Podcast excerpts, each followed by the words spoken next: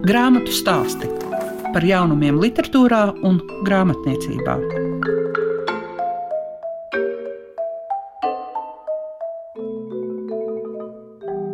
Gana pavasarīgā noskaņojumā visu labu jums vēl grāmatu stāstu veidotāja Liega Piešiņa un noslēdzot aprīļa maratonu. Šodien pavisam nedaudz par literatūras gada balvas laureātiem, un vēl uzzināsiet par Kristofa Onodībio romānu Birmiete. Grāmatu stāsti tiem, kam grāmatu lasīšana ir vērtība. Cerot, ka nepiedaram pie tās sabiedrības daļas, kura dzēju lasa tikai tad, kad vajadzīgs kādas apsveikuma rindiņas, uzklausīsim, ko literatūras zinātniece Ingūna Daugsti Silasproģe, kas bija arī Laligabas žūrijā, saka par Amandu aizpurieti un viņas dzējoļu krājumu pirms izvākšanās. Kaut arī mēs pazīstam Amandu aizpuriet un zinām daudzus viņas krājumus un dzīves, dažādus pagriezienus, bet šis dzējoļu krājums kaut arī tajā ir daudz, varētu teikt, beigu sajūtas vai uh, fatalitātes, kas faktiski ir tas pats. Bet tomēr es tajā arī saskatu tādu cerību. Un tieši tāpēc man ļoti gribētos, lai dzēniece turpina rakstīt. Jo viņā ir kaut kas atšķirīgs, jo arī šajā dzīslu krājumā ir kaut kas no tās amants aizpūrietas, kuru mēs jau zinām. Bet, protams, ka laiks, notikumi, vieta, vide, jā, arī dažādas aiziešanas atstāja arī tos nospiedumus. Un tie arī nu, neizbēgami ir tajā dzējā. Bet lasot šo dzēju, tomēr nav tāda nomāktības sajūta. Un tāpēc nu, tiešām gribētos cerēt, ka dzēja turpināsies arī Amandas aizpūrietas ceļojos. Grāmatu stāsti programmā Klasika. Vislielākās kaislības valdīja prozas nominācijā, un šī gadījumā visus labos vārdus un sveicinājumus prozas laureātam Jānim Joņevam par stāstu krājumu Tīģeris. Ļoti daudz apspriests un vērtēts un lasīts bija debijas nominācijas laureāts, un tas ir Andris Kalnozols kalendārs Mani sauc un šoreiz, lai aktieris Raimons Celms noraksturo šo grāmatu, kalendārs mani sauc. Ziniet, man viņš ir tāds nu, tā nedaudz pazīstams. Es neteiktu, ka mēs esam eh, à, nu, personīgi pazīstami. Viņš ir dramaturgs un es viņu izrādījis, esmu skatījies. Es tādā ziņā kā, nu, nojaušu, kā viņš skatās uz dzīvi, un kā viņš viņu skaidro un kā viņš viņu redz. Tāpēc man jāsaka, ka nu, tā grāmatas sākumā jau tā ir Hmm, jau pārāk laikam, apradu ar tiem noteikumiem, un man viņi tā nedaudz garlaikoja jau uz grāmatas vidi. Bet es izlasīju grāmatu, man ļoti patika. Un, un tas man liekas, ka ļoti svētīgi, ka parādās šāds darbs Latvijas literatūras vidē. Bet man jāsaka, es laikam vairāk iegūtu noteikti, ja es nebūtu pazīstams ar Kalnozolu. Vai netraucē tas, ka viņš izmanto īstenībā cilvēku slimību? Nē, nē nu kāpēc? Ko nozīmē slimība? Tieši man liekas, par to arī tas stāsts. Uz to jau nav nekāds tāds akcents likts. Tā. Nu, es, piemēram, jebkuru darbu, ko es eh, skatos, vai lasu, vai, vai tā tālāk, es redzu to, kā man autors vienkārši piedāvā savu skatu punktu un uh, savus teikt, noteikumus, kā viņš skaidro pasauli, kā viņš skaidro visu esošo. Un tādā ziņā man jāsaka, ka es to Kalnozola skatu punktu jau nu, biju ar viņu pazīstams, caur viņa izrādēm, caur viņa darbiem.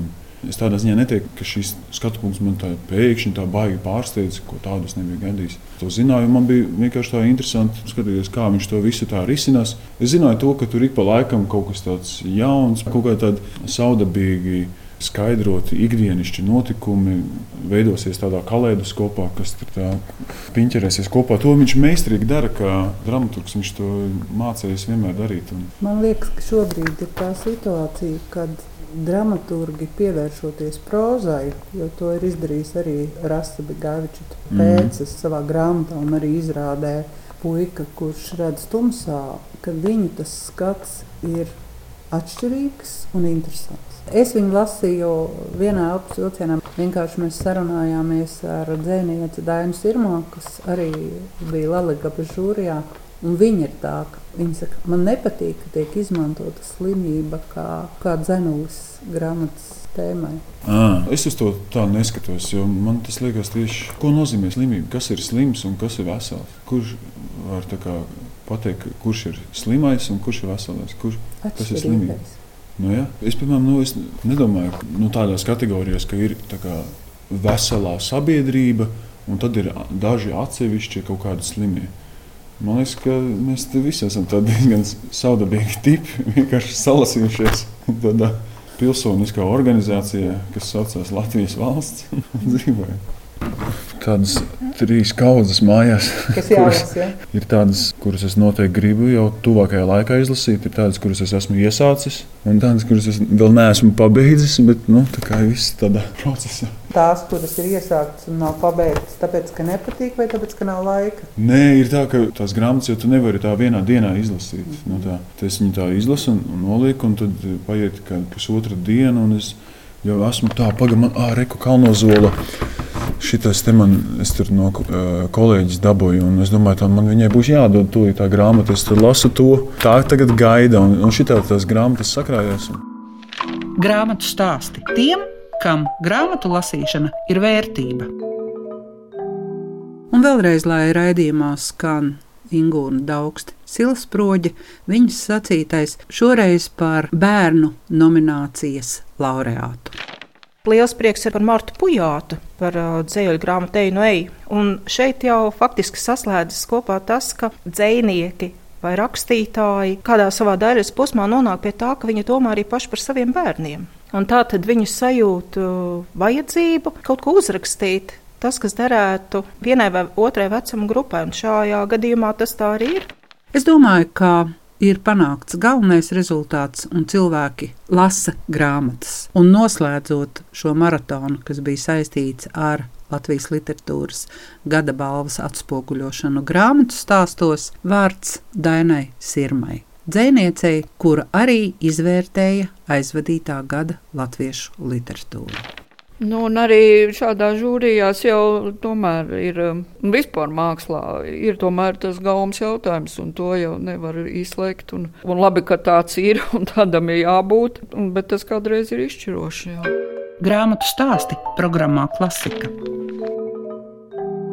Jā, Kristofona Dībio vārds eh, latviešu lasītājiem ir pazīstams. Es domāju, ka tāpat kā franči, arī daudzi lasītāji pasaulē un arī Latvijā mīl viņa rakstīto Un ne tikai tie, kas ir vienkārši lasītāji, bet tie, kas ir arī vērtētāji, nu, tie, kas ir literatūra kritiķi. Un šī gadījumā mēs jau varam runāt par trešo, bet būtībā pirmo grāmatu, kas pie mums nonāk. Un Vineta Berga visas trīs ir latviskojas. Kā tas tev iznāca ar visām tām divām grāmatām, un tagad pirmo birmieti? Kā tev gāja pašai ar lasīšanu, un kā gāja ar tulkošanu, un kāpēc tas viss ir tieši tādā kārtībā, kā tas tagad ir?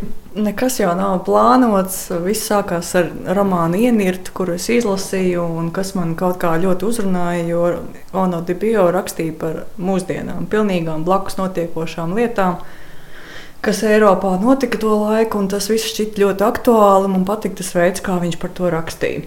Turklāt vēl arī visas tēmas, kas bija saistītas ar mākslu. Un, un kaut kā es izdomāju, ka šī grāmata varētu interesēt arī Latvijas lasītājus un uzrunāju apgādes zvaigznā ABC. Viņi piekrita izdot, un pēc pirmās grāmatas izdošanas uzreiz arī izlēma, ka ir jāizdod nu, tajā laikā arī svaigi iznākušais ienirta turpinājums, ticēt brīnumainajam. Un es ķeros pie ticēt brīnumainajam tulkošanas. Un pēc abu romānu iznākšanas Sonāti Bio viesojās arī Latvijā, sniedza vairākas intervijas, viņam izveidojās savs cienītāju lokus. Un, attiecīgi, apgāds izdomāja, ka vajadzētu vēl kādu Sonāti Bio romānu izdot. Tolēk nekā jaunāka nebija. Un um, apgāds skatījās atpakaļ uz iepriekšējiem darbiem un pieķērās domai par Birmieti, kas bija Onoti Bio 4. romāns, iznācis jau krietni sen, 2007. gadā. Kā man gāja tulkojot? Viena lieta ir būt lasītājam, otra lieta ir sākt tulkot. Saproti, ka pēkšņi izlasītie teikumi, kas aizrauja un ievada citā pasaulē, citā valstī, dodoties monēti bio līdz dažādām zemēm, tulkojot tik raiti negāja, bet es tomēr esmu tikusi cauri visām trim grāmatām. Šogad arī lasītājiem ir iespēja iepazīties ar Birmu Jānu, kur 2000. gada sākumā Onādi Bio ir um, daudz pats bijis, jo viņš arī ir rakstījis reportāžu par tur notiekošo. Kāpēc ir valsts nosaukuma maiņa? Nu, man liekas, ka mums tā Birma ir pieņemama. Jā, es saprotu, ka tas arī ir diktatūras pirksts, militārās valdības pirksts. Vienkārši varbūt, lai izsistu cilvēkus ārā no tās valstiskās apziņas, kurā viņi dzīvo. 48. gadā Birma ieguva neatkarību no apvienotās karalistes, bet visi gadi līdz valsts nosaukuma maiņai ja nemaldos, 80. gadu beigās tā maiņa notika. Visi gadi ir bijuši nabadzīgi cilvēkam, parastajiem un uh, pilni ar, um, ar sacelšanos, ar dažādiem notikumiem, asiņainiem. Un tā jānma, tas nāk tā kā tāds zīmogs, ka, nezinu, man šķiet, tas ir tā, ka militārā diktatūra parāda, mēs šeit esam, mēs te jūs nosauksim tā, un jums būs jādzīvo tā, kā mēs teiksim. Un viss cīņa līdz tam, jā, tā ir bijusi nemitīga tā cīņa, un tas, ka viņi šobrīd turpinās, Un tas, ka pasaule to redz, man liekas, ir iespējams tikai tāpēc, ka ir nomainījusies paudze.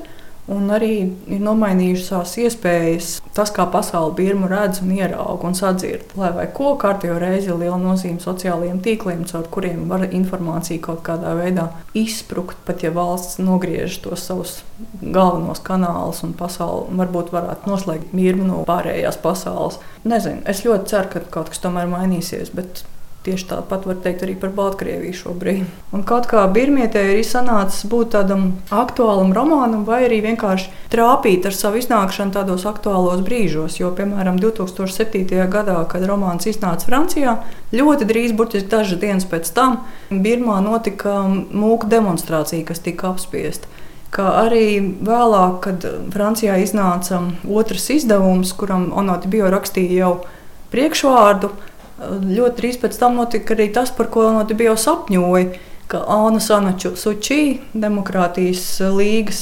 vadītāja, varētu būt brīva. Un arī tagad, kad iznāca romāns šogad, janvārī apgādā zvaigznā ABC, sākās traģiskie notikumi Birmā, kas joprojām nav beigušies.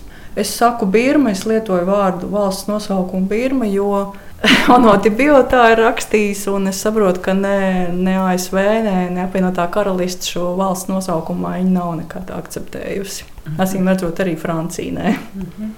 Cik lasītājiem ir svarīgi, vai precīzāk sakot, vai tas ir nozīmīgi? Jo man tā kā lasot, tam tā nepievērs uzmanību, ka īstenībā mēs atgriežamies tajā pagātnē, tajā izējas pozīcijā, no kā tad šī personība ir veidojusies. Jā, es nezinu, kā ir lasītājiem iepazīties ar Onādi Bioru un Cēzaru. Tajā laikā, krietni pirms viņš ir izveidojies par to varoni, ar ko sastopas lasītāji ienirtu un ticēja brīnumainajiem. Varbūt tas ir interesanti, varbūt tas dažiem ir pārsteidzoši, un varbūt dažiem tas arī nepatikt, jo tur Cēzars nav Cēzars, kas ir iepaticies jau. Tur Cēzars tur ir tikai to. ceļa sākumā, jā, viņš to par žurnālistu, viņam ir vēlme mainīt dzīvi, viņš saprot, ka viņš nedzīvo saskaņā ar savām sirds vēlmēm, un tad viņš arī kaut kā metas tādā aklajā lēcienā un kaut ko dodas uz birmu, lai mainītu savu dzīvi un kļūtu par to, par ko viņš gribētu kļūt. Un es, nu, vismaz varonim, tas arī vēlāk izdodas. Vispār jāsaka, ka man patīk, kā Kristaps Onote bio spēlējas ar mums lasītājiem, jo it kā viņš pasniedz ārkārtīgi daudz autobiogrāfisku datu, un tad viss jau notic, ka Cēzars tas ir viņš, un viņu uzskata varbūt tās par tādu ļoti ciešu prototipu. Bet tāpat laikā viņš ir spējīgs tā atmest ar roku un pateikt, nē, nu, es taču esmu rakstnieks. Nenoticiet man tik ļoti. Nu, jā, man liekas, ka viņš ir pietiekami pašpārliecināts rakstnieks, kurš, kurš saka, ka es varu darīt vienalga, ko es gribu. Dara viņš to tik eleganti un interesanti un uz tiksim, tādu kultūras informāciju balstītas sajūtas, ka mēs viņu pieņemam. Jā, šobrīd, jā, šobrīd mēs to redzam, ka viņš to arī var atļauties. Tas iznāk viņam patiesi, teiksim tā. Bet, varbūt arī tāpēc ir labi izlasīt par Cēzaru ceļa sākumā lai varbūt kādu tas iedrošinās noticēt saviem sapņiem un iet uz priekšu, lai kāds, kas tajā brīdī izskatītos. Jo tajā brīdī, kad šis jaunais žurnālists, kurš vēl vispār nav žurnālists, kur cilvēks, kurš vēlas kļūt par žurnālistu, kuram ir ambīcijas, kuram ir ambīcijas, jā, kuram ir varbūt vēlmes lielas Un viņš kaut kā kārpās. Tajā brīdī nekas neliecina par to, ka viņš varētu kļūt par to, kas viņš ir šobrīd. Nu, pašam rakstniekam viņam ir tik liels klasiskās izglītības pamats. Man patīk, kā viņš ar to brīvi operē gan mākslas jomā, gan piesaucot antīko literatūru. Un, nu, veido savus varoņus. Jā, tas viss ir jūtams darbos. Man liekas, visās trijās grāmatās ir tāda pamatnostāde Cezaram, ka viņā nevar neiemīlēties. Bet tajā pašā laikā tas, ko mēs pirmietē varam izlasīt, ka mēs ieraugām arī sievieti, kura atsakās no miesiskās mīlestības, dzimtenes mīlestības vārdā. Nu, tā varētu teikt dzimtenes mīlestības vai augstāku mērķu vārdā. Varbūt jā, kādu, nu, precīzāk jā, būtu augstāku mērķu. Kaut vārdā. kāda sava uzdevuma izpratnes. Viņa ir sapratusi, kas ir viņas uzdevums, un viņa tam ļaujās. Viņa saprot, ka viņa ir kaut kādā veidā izraudzīta vai nonākusi situācijā, kur viņai ir jāpaliek. Un, jā, viņa atsakās no šīs cilvēciskās mīlestības. Mēs jau parasti tādos standartos ieejam, ka tas nav raksturīgi sievietēm, tas ir raksturīgi vīriešiem. Aha, jā, tas nav raksturīgi sievietēm. Es nezinu, gan jau ir tāpat Žana Dārka kaut vai.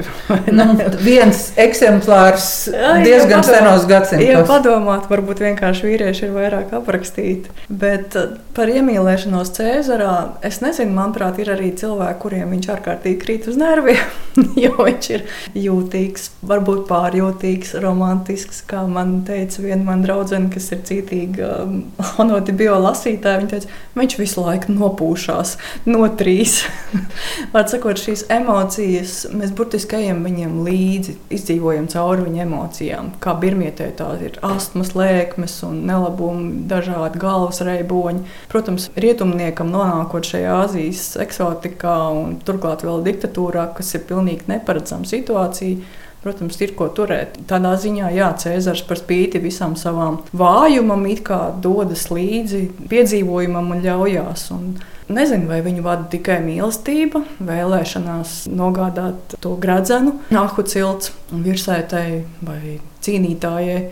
Vai tā ir viņa paša spēja, kaut kāds neapjausts spēks, kas parādās pēkšņi izējot cauri tiem džungļiem? Mēs bieži vien, teiksim, sekojot kaut kādiem politiskiem notikumiem, mēs diezgan skaidri zinām, kāda ir mūsu attieksme pret diktatūru. Bet šī grāmatā tā diktatūras lieta parādās tik skaidri un tik sāpīgi, ka nerodas šaubas atbalstīt to vai nē. Protams, nerodas šaubas. Kuram gan var rasties vēlme atbalstīt diktatūru? Nu, viņi nosauc vienkārši citā vārdā.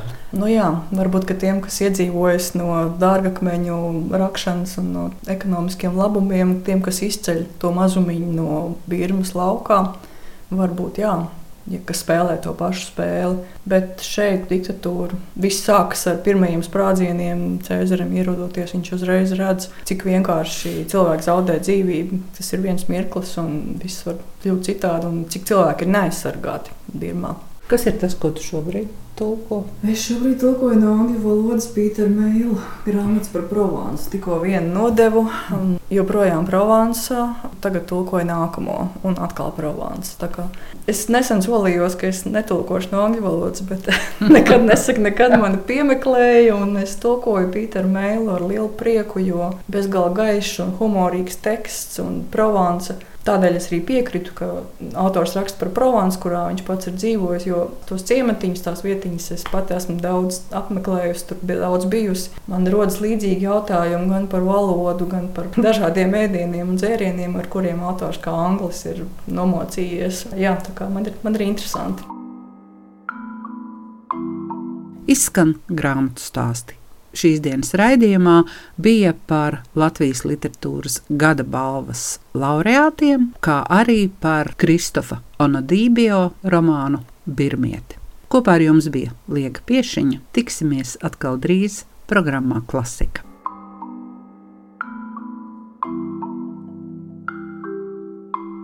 Grāmatu stāsti par jaunumiem literatūrā un grāmatniecībā ik trešdienu, 9.5 ar atkārtojumu Svētdien, 18.15.